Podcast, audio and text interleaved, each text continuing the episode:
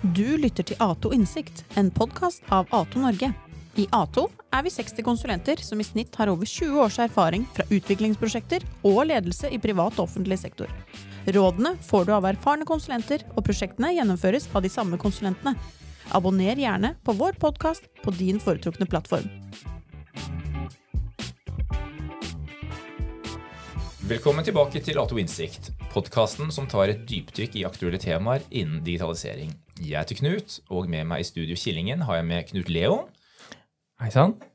Hei, hei. Og bak spakene har vi Desiree. I denne episoden skal vi snakke om lavkode, nærmere bestemt hvordan et lavkodeverktøy endrer måten å drive systemutvikling på. Lavkode, eller low code, er kanskje noe av det mest eh, omtalte innen utvikling den seneste tiden. Og evangelistene sier at lavkode handler om å øke innovasjonstakten ved at utviklere gjør mer på kortere tid, og dermed produserer mer verdi raskere med høyere kvalitet. Dette høres kanskje for godt ut til å være sant. Med oss for å utforske dette temaet har vi Tor Lahlum fra A2. Han har dykket dypt inn i mulighetene som skal åpne seg med de nye, kraftige utviklingsverktøyene. Og han har også kommet til noen nye erkjennelser. Velkommen til studio, Tor. Tusen takk for det. Det er veldig hyggelig å ha deg som gjest. Kan du si noen ord om hvem du er, og hvorfor du er så opptatt av lavkodeverktøy? Ja, jeg er som du sa ansatt i Ato, er partner i Ato. Jeg har eh, over 30 års erfaring fra IT og IT-utvikling. Eh, lavkode du snublet jeg litt over for eh, tre år siden i et prosjekt vi var i, der vi skulle utvikle en løsning for porteføljestyring. Og da, eh, med mine 30 år siden, hadde jeg programmeringserfaring, så jeg eh, var med på å bare kaste meg inn i dette og starte utvikling med dette lavkodeverktøyet. Og de tre årene etterpå så må jeg si jeg har blitt eh, frelst på lavkode til å både effektivisere mitt eget arbeid og for kunder som jeg ser kan gjøre veldig mye eh, uten utviklere, faktisk, med de mest kraftige verktøyene. Og vi har også gjort en del markedsundersøkelser rundt ulike lavkodeplattformer som jeg har testet ut. Mm. Og dette skal vi jo uh, grave mer i. Uh, men jeg tenker at vi, vi kan ta et steg tilbake og finne ut av egentlig hva, hva er egentlig lavkode, og hvor, hvor kommer det fra? Ja, altså Den enkleste måten å forklare lavkode på er jo at det kommer av at det er lite kode, altså hvis det er lite programmering. Eh, de som kjenner litt til programmering, vet jo at det kan gjøres på ulike nivåer. Du har eh, laveste nivå, kan du kalle maskinkode, hvor du instruerer maskinen på et veldig lavt nivå. Og så har du programkode, der du koder, kodelinjer eh, som eh, da gjør instruksjoner. Og så har du lavkode, som er, eh, genererer kode. Du har drag and drop eller pek og klikk grensesnitt som genererer kode. Så det er der lavkode kommer fra. Lite kode. Er det på en måte ferdig kodebokser, eller genereres det kode når du setter disse hva skal man si, ferdige elementene, hvis jeg forstår det riktig, sammen? Altså Det er jo litt forskjellige eh, tilnærminger i ulike verktøy. Eh, men det som eh, kjennetegner dem, er jo at du har et visuelt grensesnitt. Sånn at du tar ulike elementer. Det kan være felter i et, eh, et, eh, på en webside, f.eks. Eh, input-felter, visningsfelter, som du da bare drar inn på en side, og så koder den det HTML-koden du trenger under. Eller du har databaseaksesser som også er kan si, kodet i komponenter som gjør mer enn en vanlig kodelinje. Kan du si noe om, Er det noen kjente leverandører av lavkodeverktøy? Eh, kan du si noe om det? Så i, i Norge så er jo eh, den mest utbredte lavkodeplattformen er jo Microsoft, fordi eh, Microsoft 365 kommer med masse lavkodeverktøy. Du har Power-plattformen til Microsoft, og den er det veldig mange som har. Og veldig mange vet ikke at de har det, og ikke i hvert fall hvordan de bruker den. Eh, eller så har du eh, eh, ja, Mange kjenner jo eh, type Salesforce, ServiceNow, som er da mer applikasjonsrettede lavkodeplattformer, der du eh, jobber med CRM-systemer, men gjør tilpasninger. Så har du type OutSystems som mange utviklingsmiljøer nå begynner å ta i bruk, som er et, en sånn komplett pakke for et utviklingsmiljø. Det er noen eksempler. Ja, ja så dette er egentlig noen systemer som egner seg for litt sånn ulike, ulik bruk? Altså, det er jo en flora. Altså, hvis du søker på lavkode og prøver å finne leverandører, så finner du hundrevis. Og selvfølgelig er disse litt forskjellige eh, og sterke på ulike områder. Så i A2 så har vi valgt å dele det i tre grupper da, for å sortere dem. Og da er det disse som følger med applikasjoner, som er liksom én gruppe, som da typisk de som leverer applikasjonene, er med på å konfigurere løsningene med disse lavkodeplattformene. Og du kan videreutvikle mm, egne løsninger. Og så har du de som utviklingsmiljøene bruker, og så har du en tredje gruppe da, som jeg er mest uh, engasjert inn i. Det er de som er forretningsutviklere, som vi kan kalle dem. Som ikke egentlig er utviklere, men de utvikler sine egne løsninger ut fra et forretningsbehov. De er de er lavest terskel for å komme i gang. Så når vi tester denne type løsninger, så ser vi etter hvor lav terskel er det for å komme i gang, hvor stor dybde er det i verktøyet. Og, så det er to liksom, egenskaper. da. Mm. Vi hørte jo introduksjonsvis at uh, du åpenbart syns dette er spennende.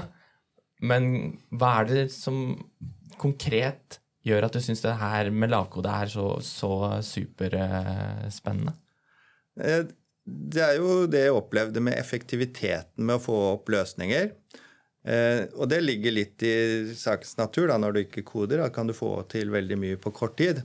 Men denne type Altså, jeg, jeg, tror jo, og det er vel derfor jeg er opptatt av dette, at jeg tror dette er en gryende revolusjon.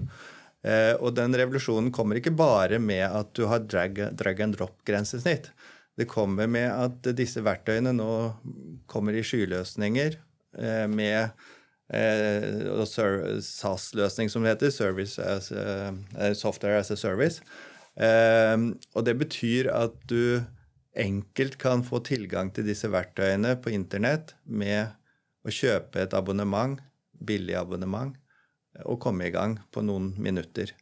Og den kombinasjonen der er veldig kraftfull da, og gjør at veldig mange kan, eh, kan si, tre, tre, inn i denne verdenen og bruke disse verktøyene.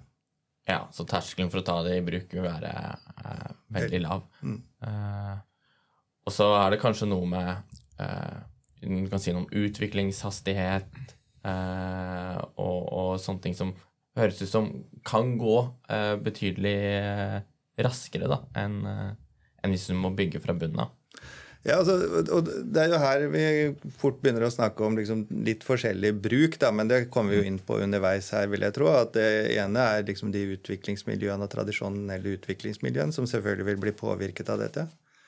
Men også det at du vil gjøre nye ting. da ved at det er så lett tilgjengelig, og det nye eh, folk kommer til. Og jeg tenker jo særlig de, de eh, som er gode i Excel nå, eller gode i den type verktøy.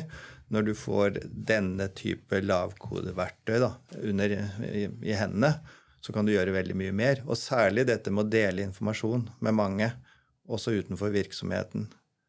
Det tror jeg er en sånn nøkkel til å liksom se nye anvendelser. da. På hvilken måte da, tenker du?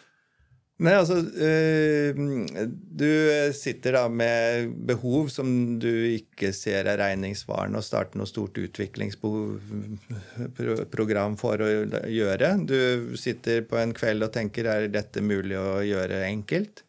Og øh, på en morgentime så tenker du kan jeg ikke teste det i dette nye verktøyet mitt? Og så plutselig får du det til. Eh, en kommunikasjon eller en eller annen Eh, innsamling av informasjon. Du har noen enkle verktøy, sånn som Questback og sånn, som du lager enkle spørreskjemaer. Mm. Eh, disse type, den type verktøy kan du også gjøre det med. Men i tillegg kan du bruke informasjonen din eh, til mye mer. og du kan bygge et system rundt det istedenfor bare å ha en spørreundersøkelse. Så en applikasjon kan starte med en enkel innsamling av informasjon, eh, og så vokser denne applikasjonen. Så du kan eh, bygge opp en, hva skal man si, et, en MVP-skisse til en applikasjon på en time eller to? Ja, det er riktig. Ja, du har, du har, sagt litt om uh, hva lavkode er, men kan du si litt om forskjellen, forskjellen da, mellom lavkodeutvikling og tradisjonell programmering?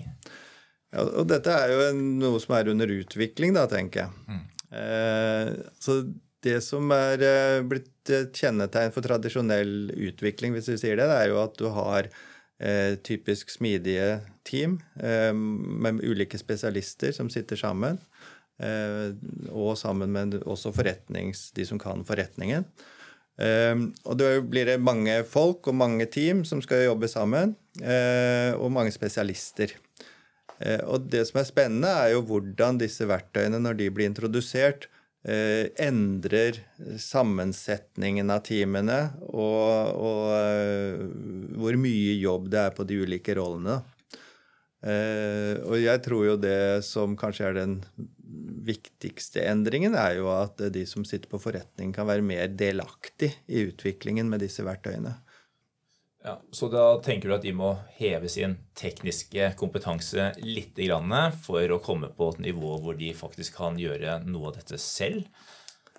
Ja, og, og um, når de kan gjøre noe selv, så blir det jo mer et integrert del av et sånt utviklingsteam, da. Istedenfor å bare bli uh, hva skal du si, uh, torpedert med spørsmål om alt mm. mulig, så kan du også være med og ja. ja.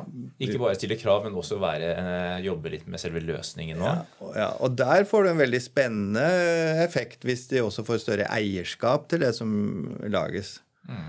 Eh, for ofte så er det jo akkurat dette her brytningen mellom utviklingsmiljøet og brukermiljøet. At Eh, man føler liksom man kan bare sette nye, nye, krav, eh, og veldig detaljerte krav. Hvis du har mer eierskap til det som faktisk utvikles, så kanskje det eh, kommer fortere i mål. Da.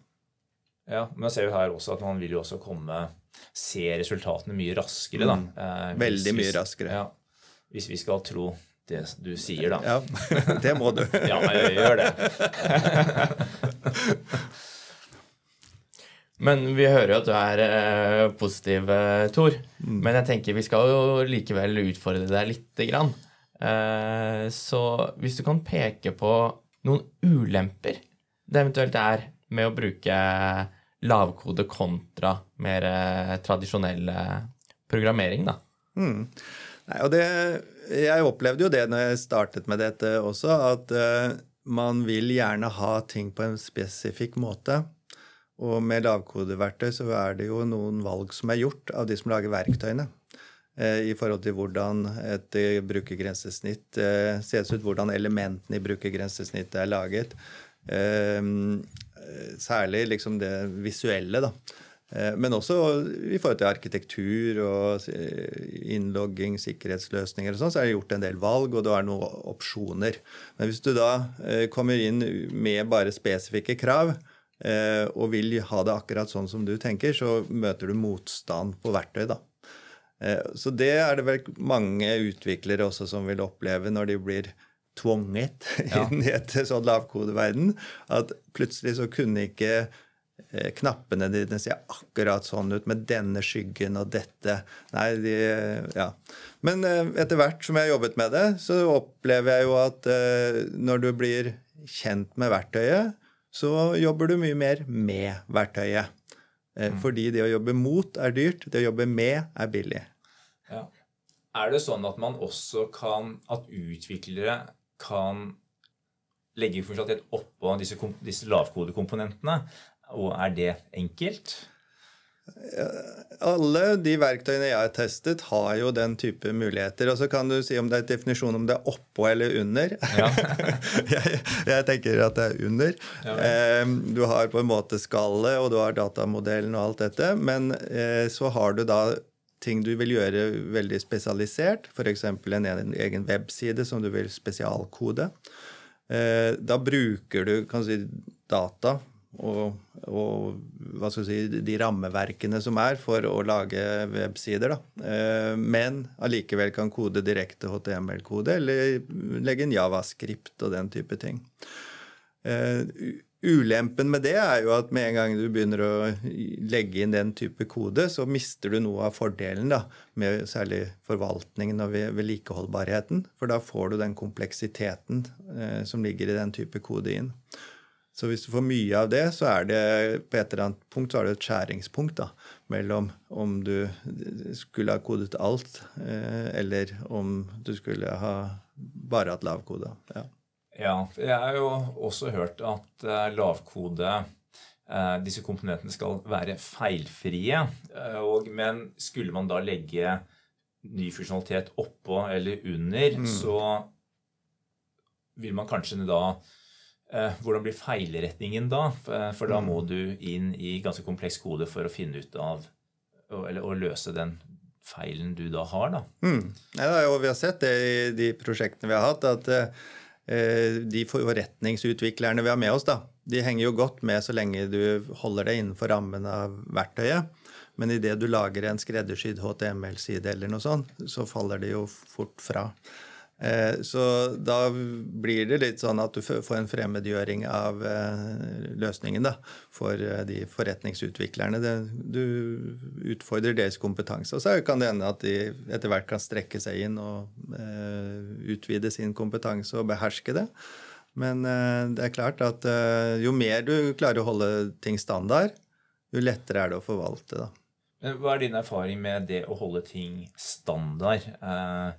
Er det en kombinasjon eller, eh, som du har eh, sett uh, i den endelige løsningen? Ja, ja, ja nei, altså, jeg tenker at de fleste løsninger vil ha en eller annen kombinasjon. Og så er jo spørsmålet da i hvilken grad uh, Altså hvor mye av hver av uh, miljøene du bruker. Men min, min, erfaring er jo at du, etter hvert som du lærer verktøyet, så gjør du mindre spesialting. Mindre hacks. De fleste sånne systemer kan jo ha noen hacks. For med en gang du skal utvide funksjonaliteten, så er det slik at du må på en måte bygge på utover eh, lavkodeverktøyet sin, sitt innebygde, innebygde funksjonalitet eh, på en måte, eller har du nok eh, komponenter eh, i, i verktøyet? Altså, det er jo det at du, hvis du først blir innovativ og kreativ, så når du jo noen grenser eh, for hva du kan gjøre i verktøyet. Så det, det er jo liksom eh, Jeg tenker, Vi har sett f.eks. Eh, når du skal lage spesielle visuelle fremstillinger så er det fort gjort at uh, de standardtingene ikke passer det behovet. F.eks. en risikomatrise som du vil ha på en bestemt måte, hvor du kan vise konsekvens og sannsynlighet for ulike risiko. Da, da er det fort at Oi, det hadde ikke verktøyet noe standard for. Da må du uh, si, spesialkode det, da. Men du har jo en plattform du og det er kanskje du sier, bygger oppå. da, At du kan bruke alle dataene, og du har tilgang til hele datastrukturen. så... Um. Men hvis du har valgt en lavkodeplattform og et verktøy, mm. eh, og så har du bygd en løsning oppå, oppå den, eh, hvor enkelt er det da å skulle bytte til en annen plattform eller, eh, mm. eller lignende?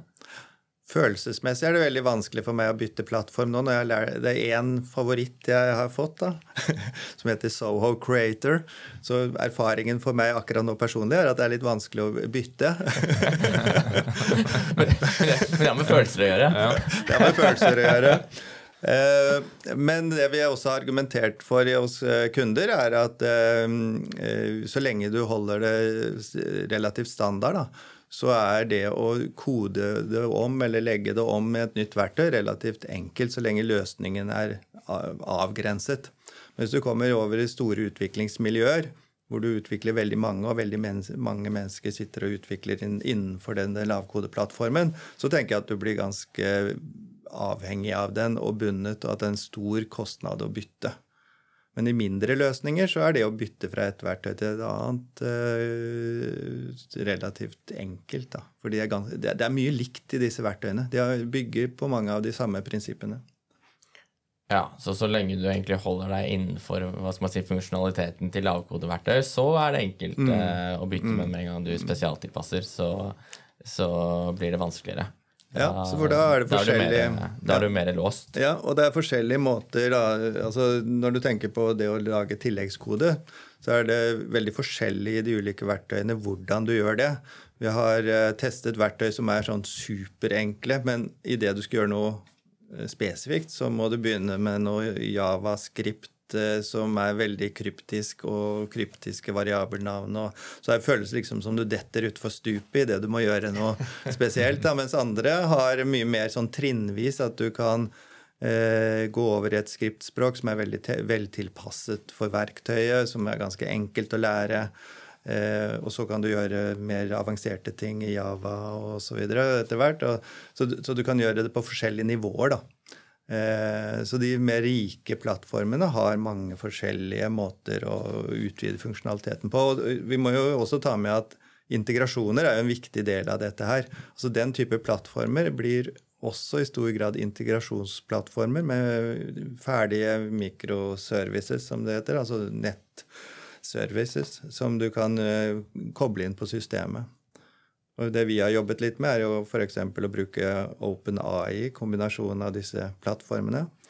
Og det er veldig sånn elegant da, når du ser hvordan du kan inkorporere kunstig intelligens direkte inn i løsningen. På hvilken måte, på hvilken måte har, vi, har vi gjort det? Kan du gi noen eksempler? Nei, Vi har jo i vår virksomhet konsulenter som vi skal matche med oppdrag.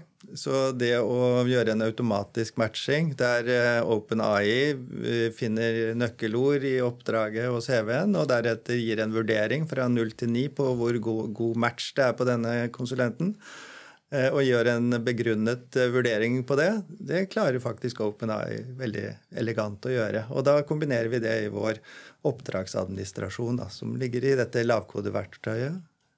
Solo Creator. Så jeg bare tenker dette med tradisjonell koding og lavkode Det er jo ikke noe sånn enten-eller-diskusjon. Eh, det er vel sånn at det kan kombineres, og det er De komplementerer hverandre.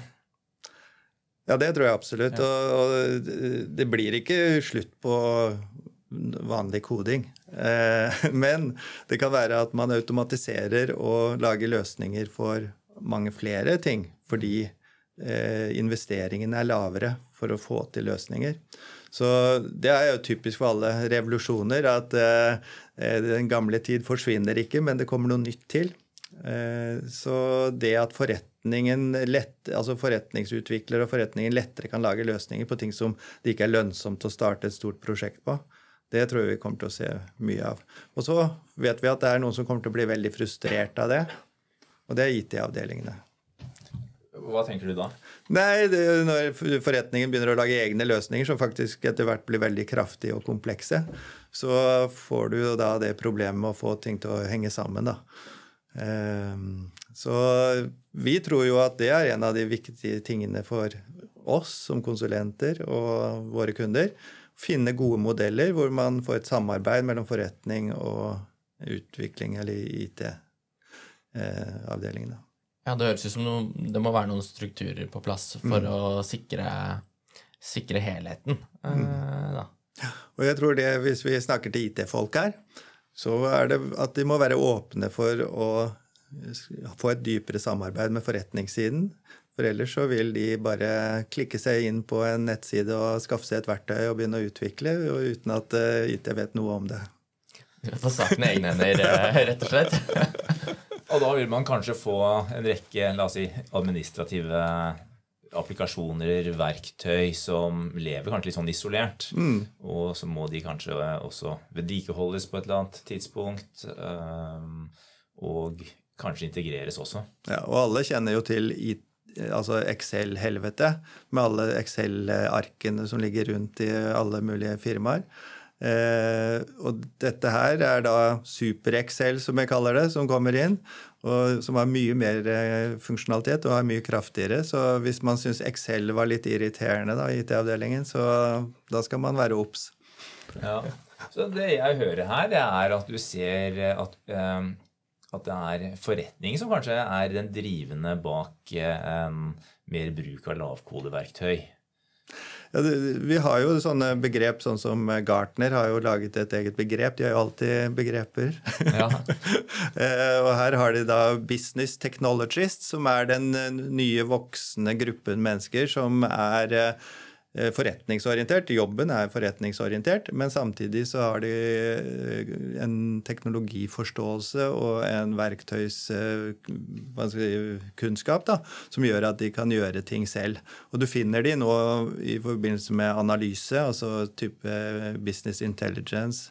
Eh, ja, og, og webdesign også. Det er jo en del som sitter på å administrere websider som kan ganske mye, og som da ser at de kan gjøre mye mer med disse verktøyene. Hvor mye må disse forretningsutviklerne, eller uh, business technologist, uh, som er litt mer fancy uh, Hvor mye teknisk må de egentlig kunne? For en får jo inntrykk av at det her er ganske enkelt med sånn drag and drop-system. Ja, og jeg selv har jo da vært programmerer for 30 år siden. Så for meg var det jo mye kjent i dette. Og, det tror jeg det er noe basisting du bør kunne. Og nå snakker vi til eh, lærere i grunnskolen. eh, det er datamodellering. er veldig sentralt. Altså det å forstå hvordan du bygger opp strukturer med ulike entiteter og relasjoner og, og, og hvordan det, du utnytter det.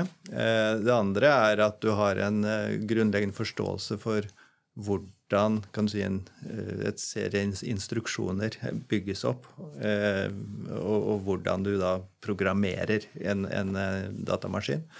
Hvis du har liksom de to grunnelementene med deg, så har du en forståelse, større forståelse for hva som skjer da, når du tar disse drag and drop. og Hva, hva skjer egentlig? Hva kan jeg forvente?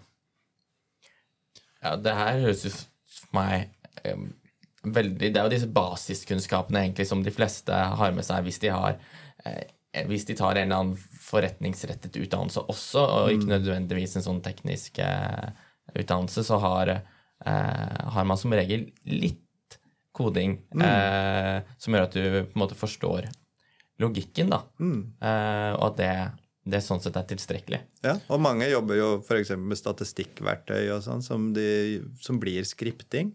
Som eh, gir en veldig god forståelse for data og bruk av data og, og enkel programmering. Da. Mm. Kan du si noe om altså, bruksområder, da, eh, hvor da lavkode er bedre egnet enn eh, tradisjonell programmering? Ja, altså, Vi ser jo at eh, når vi snakker om eh, Altså, Vi kommer jo til disse ulike eh, kategoriene våre. da, Men la oss snakke om den kategorien der vi var inne på nå, da, med business technologies. Hva er det de kommer til å bruke dette til?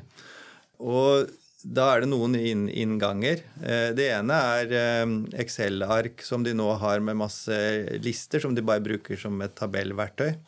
Jeg sier bye bye Excel for det. Det er mye kraftigere verktøy og du lager da mer personlige eh, hva skal si, analyseverktøy. Det tror jeg er en veldig enkel inngang.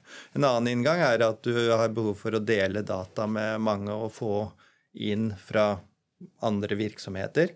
Fordi dette er skyløsninger, enkle verktøy, ikke bundet i noen plattform eh, som Microsoft har eh, full kontroll på osv. Du kan bare lage din egen lille skyplattform. Eh, hvis det da ikke er så kritiske systemer og, og, sensitive data, så kan du få til veldig mye i en samhandling med en gruppe personer, si opptil ja, 100 personer. da.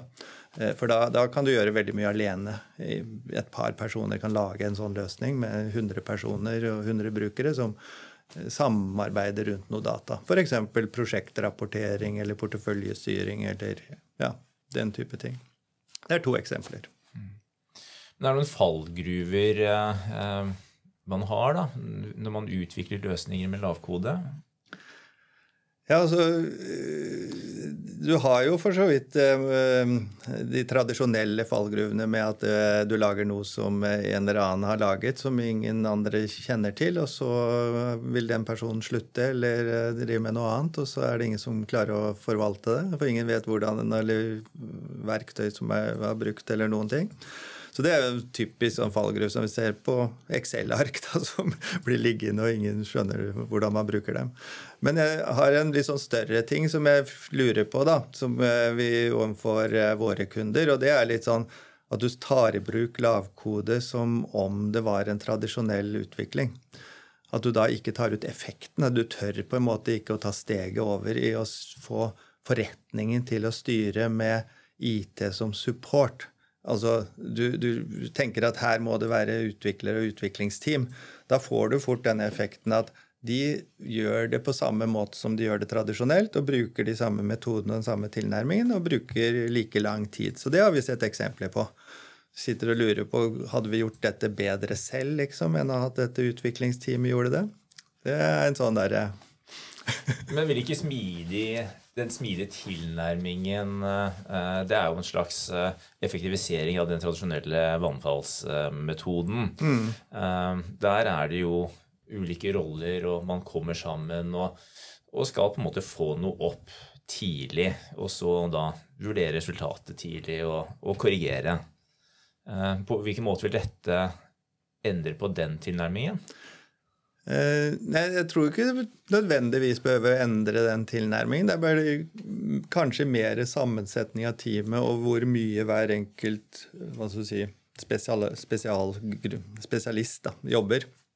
Jeg tror kanskje designere ville tenkt mest, burde være mest nervøse. For hvis da teamet aksepterer eh, lavkodeverktøy og det, det, de måte, forutsetninger som ligger der i forhold til design, så er det langt mindre å gjøre på designet, for det kommer av seg selv. Da. Eh, de som får mer å gjøre, er jo de som er eh, forretningsfolk i det. Fordi eh, utvikling går mye fortere. Så det er ikke sånn at du setter bort en kravspesifikasjon eller en sprint, da, og så er du borte i to uker, og så får du en demo. Eh, nei, det tar liksom en dag, så er du på igjen. Eh, så du får mye kortere eh, iterasjoner, da. Så da må du være mye mer på. Så jeg tenker det. Og da blir det også mindre for programmererne, da. Kanskje én veldig god verktøysperson som er veldig god på verktøyet, kan gjøre veldig mye. Ja, Det er jo interessant potensiell utvikling du, du, du sier, sier, her. Mm. Ja, fordi hvis jeg forstår deg riktig, så vil de hva skal man si, basisoppgavene eh, til en utvikler det vil gå mye raskere mm. eh, og mer effektivt eh, med lagkode. Eh, vil det da føre til at det blir mindre behov for disse utviklerne, eller vil de måtte gjøre da andre oppgaver, eller eh, hva skal man si, få fri til å gjøre andre oppgaver, er jo en positiv vinkling eh, på det. Ja, altså, Vi har jo lett for det, vi mennesker, at når vi fort får til resultater, så får vi høyere ambisjoner og vil gjøre mer. Så jeg tror det er det som eh, primært kommer til å skje. At du, det du da brukte noen måneder på, hvis du bruker noen uker på det, så vil du se at ja, men hva mer kan vi gjøre? Eh, og kanskje mer på type integrasjon, eh, automatisering. Eh, jeg har jo en tanke om at den utviklingen vi ser, det har ikke direkte med lavkode å gjøre, men mer med automatisering, det er at man blir mindre opptatt av brukergrensesnitt og brukerinteraksjon, og mer opptatt av hvor dataene kan komme fra, og hvilke data du kan benytte som allerede er digital. Og det, og det, tror jeg er en sånn oppgave som utviklere etter hvert vil måtte engasjere seg mye mer i. Hvordan sørger vi for at dataene blir en Altså blir, gir verdi, da, eh, og ikke blir eh, hva skal si, matet inn på nytt og nytt, men at den, de dataene du har tilgjengelig, at du kan bruke de i veldig mange sammenhenger, og hvordan du gjør det på en effektiv måte. Hvorfor tror du man mindre, vil være mindre opptatt av dette brukergrensesnittet? Og, og sånt? Fordi folk er dritlei av å legge inn data på et brukergrensesnitt, og de vet at de har lagt inn 100 eh, ganger før. Eh, og det er liksom en driver for å si ja, men hvorfor bruker dere ikke det som allerede jeg har lagt inn i ja, Så integrasjon, rett og slett. Eh, datadeling. Eh, er det jeg tror vi kommer til å se et veldig press mot. Og det er en veldig effektivisering i det. Um, vil du, um, du har sagt litt om at utviklere kan gjøre andre kanskje mer spennende ting, jobbe mer med integrasjoner og sånn, men uh, er lavkode, blir, blir, lavkode omfavnet av utviklere? Um, har du opplevd motstand uh, uh, ved introduksjon av lavkodeplattform? Ja, altså, jeg kan ta et eksempel da, som er litt sånn større. En uh, stor leverandør av utvikling som jeg snakket med rundt hvilken strategi har de på lavkode. Og etter en litt sånn graving i den ikke-strategien de hadde, så kom den ærlige og åpne uttalelsen om at nei, vi tror det vil kannibalisere vår egen virksomhet, så det holder vi oss unna. Og det er jo et tegn på at her ligger det noe som har et potensial. da. Og dette var et veldig kompetent miljø, så de hadde sett på dette. Men så at hvis de nå gikk inn på lavkode, så betydde det at de ville effektivisere så mye at de ville få mindre omsetning. Men det høres jo ut som de eh, Hva skal man si eh, lever litt sånn i fornektelse, det for meg. Fordi at det, det, dette vil jo ikke stoppe selv om de velger å ikke ta det i bruk. Mm. Men du er inne på en, sånn, du er inne på en sånn strategisk diskusjon. Da. Og det er faktisk veldig mange virksomheter som har den strategien at vi holder på det gamle, og så er vi veldig gode på det fordi vi vet at mennesker er ikke så raske til å omstille seg. Så det vil være 10-20 år til der mange mener at man fortsatt må gjøre det på tradisjonell måte. Ja presser den uh, sitronen av den tradisjonelle businessen på en måte så langt det ja. uh, lar seg uh, gjøre. For vi vet at også den endringen i businessmodell vil være såpass smertefull. Ja. ja. Vi ser at i nyere tid så går man mer mot standardløsninger og fra la oss si skreddersøm. Nå som lavkode har en lavere terskel, ser du Eh, altså, vil det være mer skreddersydde løsninger fremover basert på, på eh, lavkodeplattformer? Mange av disse lavkodeplattformene kommer jo fra CRM-verdenen. Eh, og CRM er altså Customer Relationship Management. Og det som kjennetegner de systemene, er at ulike virksomheter har veldig forskjellig måte å følge opp sine kunder på. Eh, og da får du behov for å skreddersy CRM-systemene. Og da er det da leverandører som har brukt et verktøy til å utvikle sine CRM-systemer, som ser at ok, vi kan eh, på en måte tilgjengeliggjøre verktøyet for kundene våre, sånn at de kan skreddersy sin kundedialog. Og dette er et eksempel da, på at du går fra en standardpakke til en lavkode. Og vi ser da leverandører som har gått helt over og bare sagt at ok, vi legger litt CRM-pakka til side. Vi profilerer alt som lavkode. Men vi har jo noen ferdigkomponenter, så vi kan starte med de. Det blir litt sånn Du bygger ikke alle funksjonalitet for, eh, for brukeren. Du lar dem heller bygge noe av det selv. Ja. Mm. Og da kan de få et uh, unikt konkurransefortrinn i sin kundedialog gjennom hvordan de bygger sine systemer og samhandler med kunden. Og det er jo da noe vi ser eh, voldsom utvikling på. Altså kunden er en del av oss, og vi samhandler. Ja, og så høres det ut som de også drar en fordel av at hvis kunden har, bruk, eh, har bygd noe eh, originalt eh, på deres plattform, mm. så er de jo avhengig av å fortsette på, på, plattformen, ikke sant? Så da blir de på en måte litt mer låst i den, både på plattformen og kanskje i et større økosystem, da. Ja, og Der er du inne på en interessant ting. da. Jeg har ikke sett så mye av det enda, men det at du faktisk kan bygge dine egne systemer inni leverandøren din systemer. Altså, det er jo veldig tett integrasjon i en del bransjer, sånn som bilbransjen. Altså, men dette kan da også gjøres i mindre skala da, for mindre bedrifter. Jeg er veldig fascinert av sånne bedrifter som nå startes med bare én og to ansatte og blir store. Så jeg hører på radioen et strømselskap som reklamerer med at de er bare to ansatte. For strøm er strøm. jo, det sier noe om hvor skalerbart uh, ting er, da. Ja.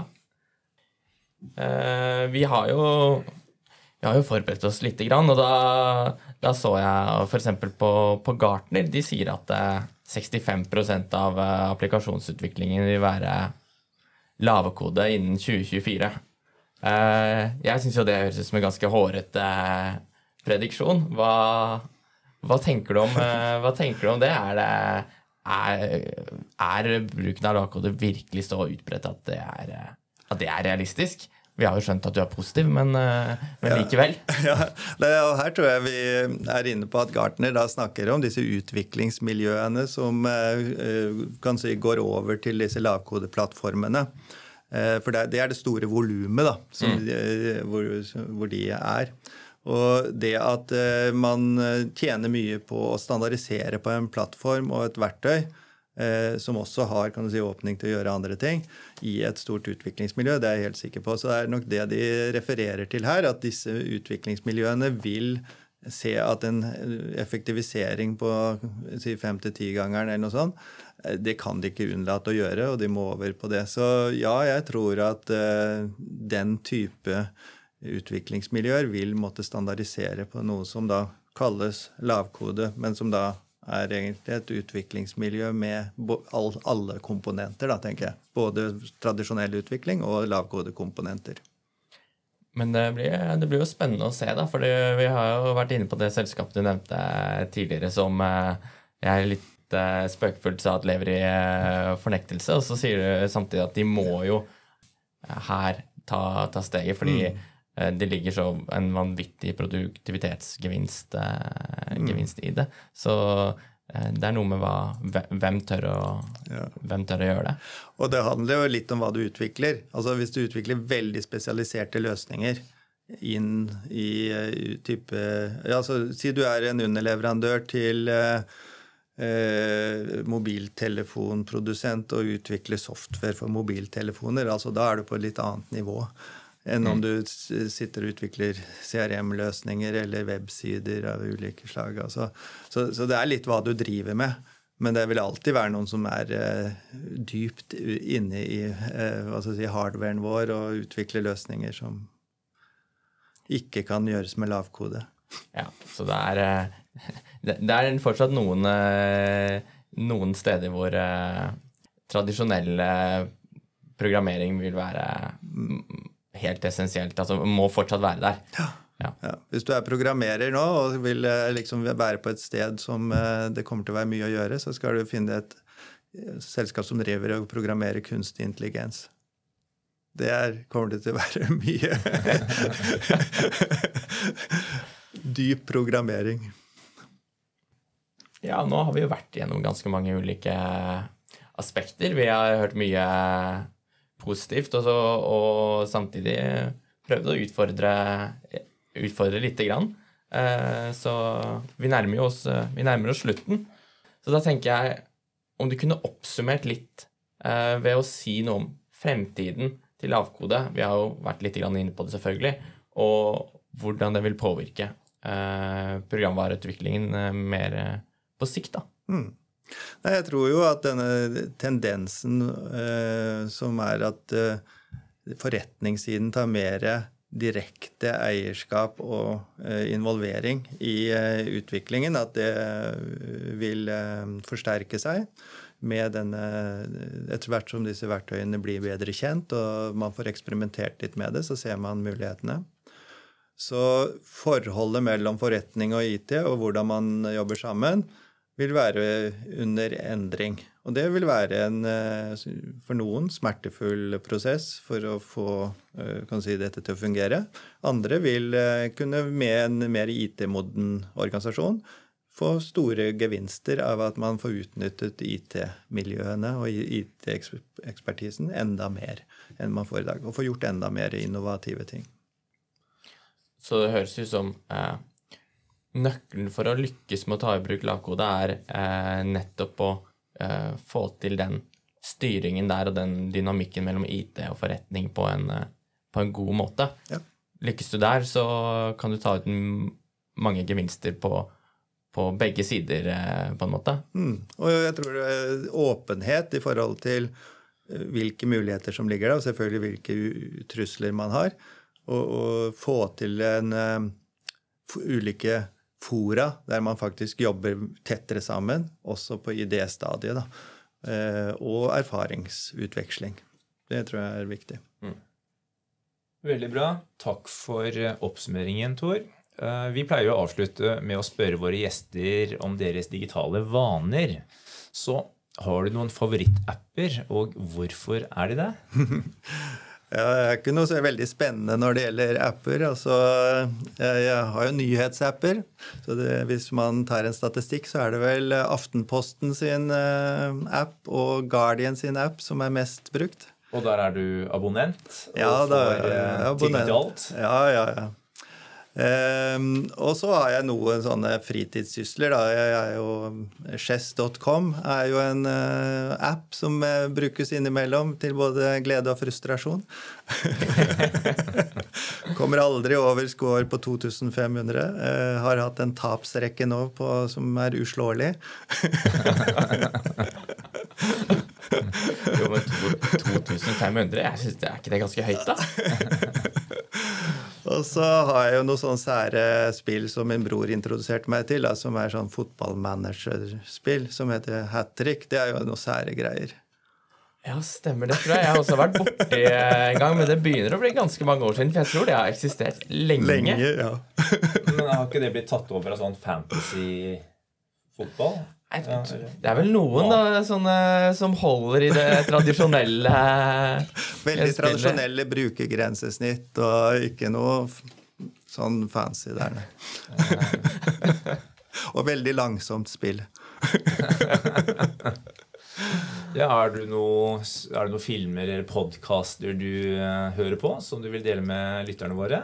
Ja, altså Podkast hører jeg jo ikke på. Da har du i hvert fall én du kan Da kan du begynne med én, da. Det er denne. Jeg får begynne med Atos podkast. Ja. Det er siste gang Tor er gjest i eh, podkasten, bare så det er sagt. Nei, ja, filmer altså filmer syns jeg også er litt sånn dinosaurer, så vi ser veldig lite film. Men serier er jo veldig bra, så um, jeg ser akkurat nå opp igjen uh, Breaking Bad og Better Call Soul. Annenhver episode hver nå. Og etter å ha studert tidslinjen nå, så ser jeg også ting, hvordan ting henger sammen, og jeg ser eh, om igjen.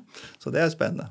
Ah, ja, Breaking Bad er eh, Den er nok på førsteplass av mine serier gjennom tidene også. Uh, og hvis du har satt deg inn i tidslinjen for å se den Det er, det er en dedikert mann, uh, Tor. Det, det, liker jeg, for det er mye, det er mye som skjer der. Og det er helt, jeg syns det er en helt fantastisk serie. Jeg har ikke sett på, på de i det hele tatt. Så, men hvis jeg skal få noen tips på hvordan jeg skal se på det, hva jeg skal fokusere på, så da er du tydeligvis mannen å spørre, da. Mm. Ja, du har i hvert fall eh, mange timer å glede deg til, eh, da, Knut. Ja, det, er det, det, er helt klart. Eh, ja, kanskje vi skal runde av, da. Tusen takk eh, til deg, eh, Tor. Ja, takk for at jeg fikk komme. Det var veldig hyggelig og en veldig spennende diskusjon helt sikkert noe som vi kommer til å snakke mye mer om også fremover. Helt sikkert. Ja, definitivt. Det her uh, syns jeg ble veldig, veldig spennende. Og uh, takk til alle som hørte på dagens episode. Uh, det setter vi selvfølgelig veldig, veldig stor pris på. Og abonner gjerne på, på podkasten på din foretrukne plattform. Så høres vi. Ha det bra.